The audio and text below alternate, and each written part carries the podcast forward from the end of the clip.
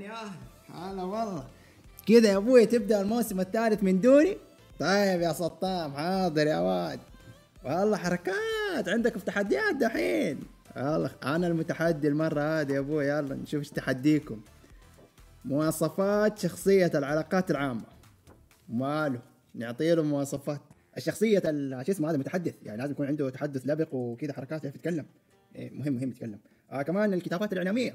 والله مهمة مهمة الكتابات الإعلامية واحدة تكفيه وعندنا كمان اللي هي شو اسمها دي الذكاء الفني مدري الاجتماعي والمعارف. والله معارف كلها. لازم يكون عنده معارف وخبرة. وإيش ال- من الأشياء هذه كذا تقولنا على الطول والطول والجمال والصوت والخرابيط هذه كلها طيب مية وأي حاجة ثانية كذا ما أعرف إذا يحتاج ولا ما يحتاج والله ما أدري عنهم.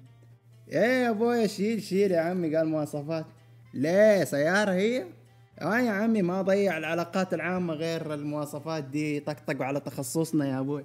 قوم يا عمي تعال يا أبوي اهرج كلمة عدلة سلام معكم سطام سامي واليوم حنتكلم عن موضوع مهم جدا جدا مهم. مفهوم مواصفات شخصية العلاقات العامة واحد من الأشياء اللي سببت لنا إرهاق كبير جدا وفي لها كلاكية كثيرة. طيب إيش هي القاعدة تقول؟ القاعدة تقول إذا كنت تبحث عن شخص واحد فتحتاج له مواصفات، لكن إذا أنت كنت تتكلم عن فريق علاقات عامة وإدارة علاقات عامة فبكل تأكيد أنت بتحتاج إلى شخصيات مهنية ما بتركز على المواصفات، وأنت مغمض.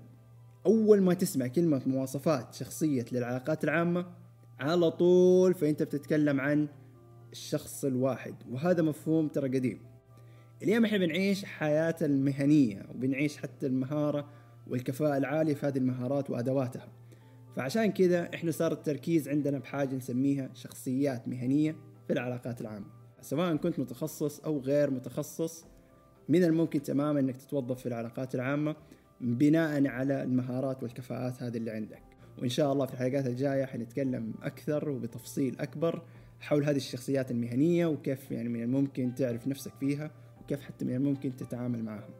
إلى هنا هنا سطام هنا كنة علاقات بحفظ الله. السلام عليكم.